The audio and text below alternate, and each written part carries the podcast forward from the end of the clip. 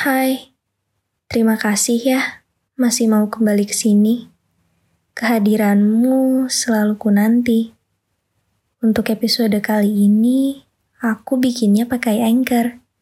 Mulai dari edit suara, tambah lagu aku lakukan sendiri di aplikasi Anchor. Kamu bisa juga kok kalau mau. Cek di Play Store dan App Store ya. Anchor ini juga gratis. Selamat mencoba. Hai,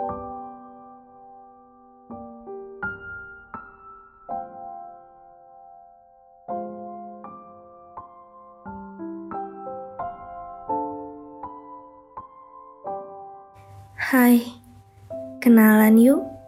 Saya Sita Kasat Mata. Bukan, bukan mengarah kepada hal mistis. Tapi memang keberadaan saya kerap kali tertutupi oleh si sulung atau si bungsu.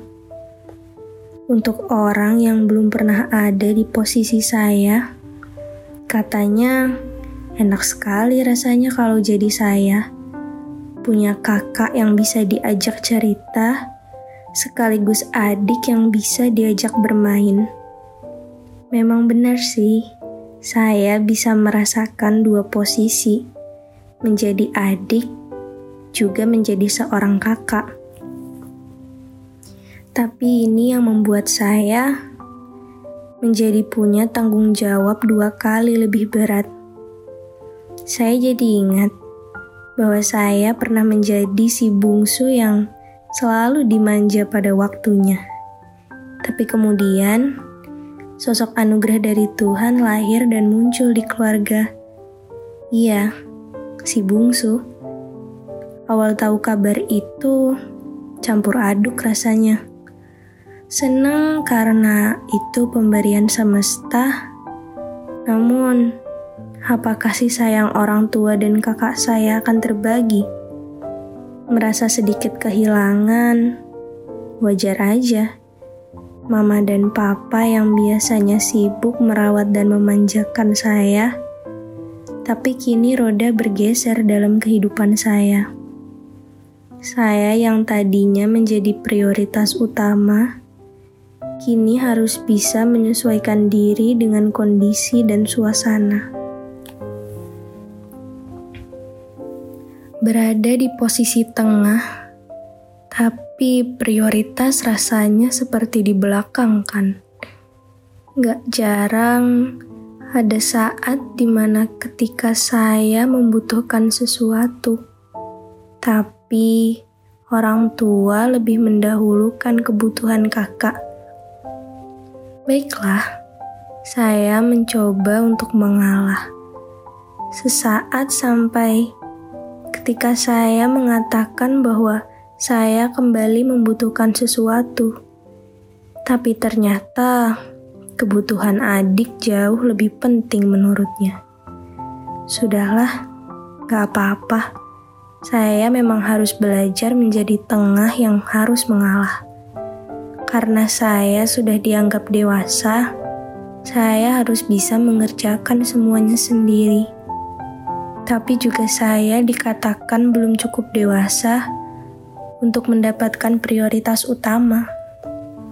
Serba salah rasanya. Saya suka bingung gimana caranya saya menempatkan sifat saya. Maaf, tapi bisakah aku minta waktumu sebentar? Aku mau mengabarkan bahwa podcast yang kamu dengar ini, aku buat di Anchor loh. Coba download Anchor deh. Bisa di-download dari App Store dan Play Store, atau bisa juga diakses dari website www.anchor.fm. Gratis loh. Kadang saya nggak pingin berlagak seperti orang dewasa, karena saya juga mengemban posisi sebagai adik.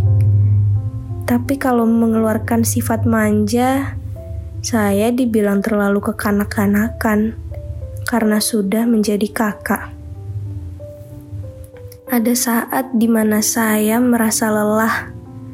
Saya gak siap dengan posisi ganda ini. Saya lelah selalu menjadi terbelakang, tersisih, merasa gak dianggap, gak dihargai, tertutupi. Tapi saya nggak pernah benci keluarga saya. Saya sayang mereka semua secara adil. Hanya saja, sifat iri memang hal yang manusiawi kan? Pada akhirnya, saya sering berteman dengan kesepian berusaha mencari kebahagiaan sendiri di luar lingkungan. Tapi bukan berarti saya gak senang. Saya bersyukur bisa punya kakak yang luar biasa hebatnya. Bisa mengayomi adiknya yang gak cuma satu. Saya juga sangat senang punya adik yang bisa saya ajak bermain sekaligus mengajarkan saya untuk menjadi sosok kakak yang lebih baik lagi. Sudah terbiasa tinggal di antara dua saudara atau lebih yang tentu punya sifat berbeda.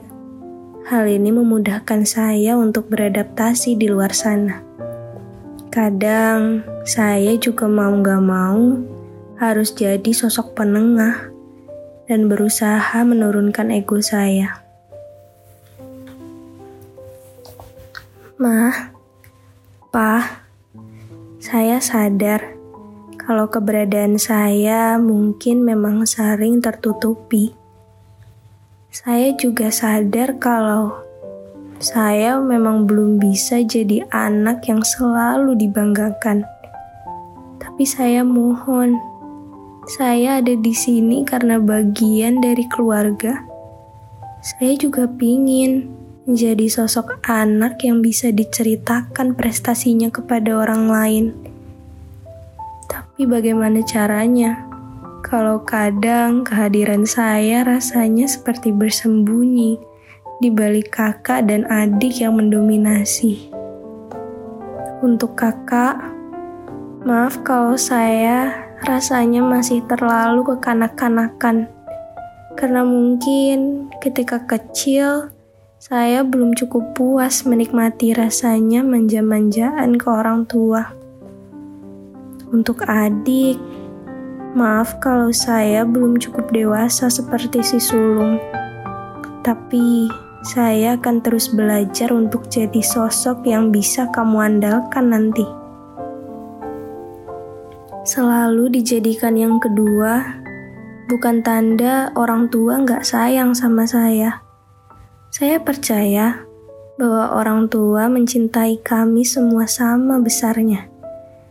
Dan saya percaya bahwa dengan menjadi diri saya apa adanya, saya bisa menjadi sosok anak tengah yang istimewa. Terima kasih sudah mendengar cerita saya, si tengah.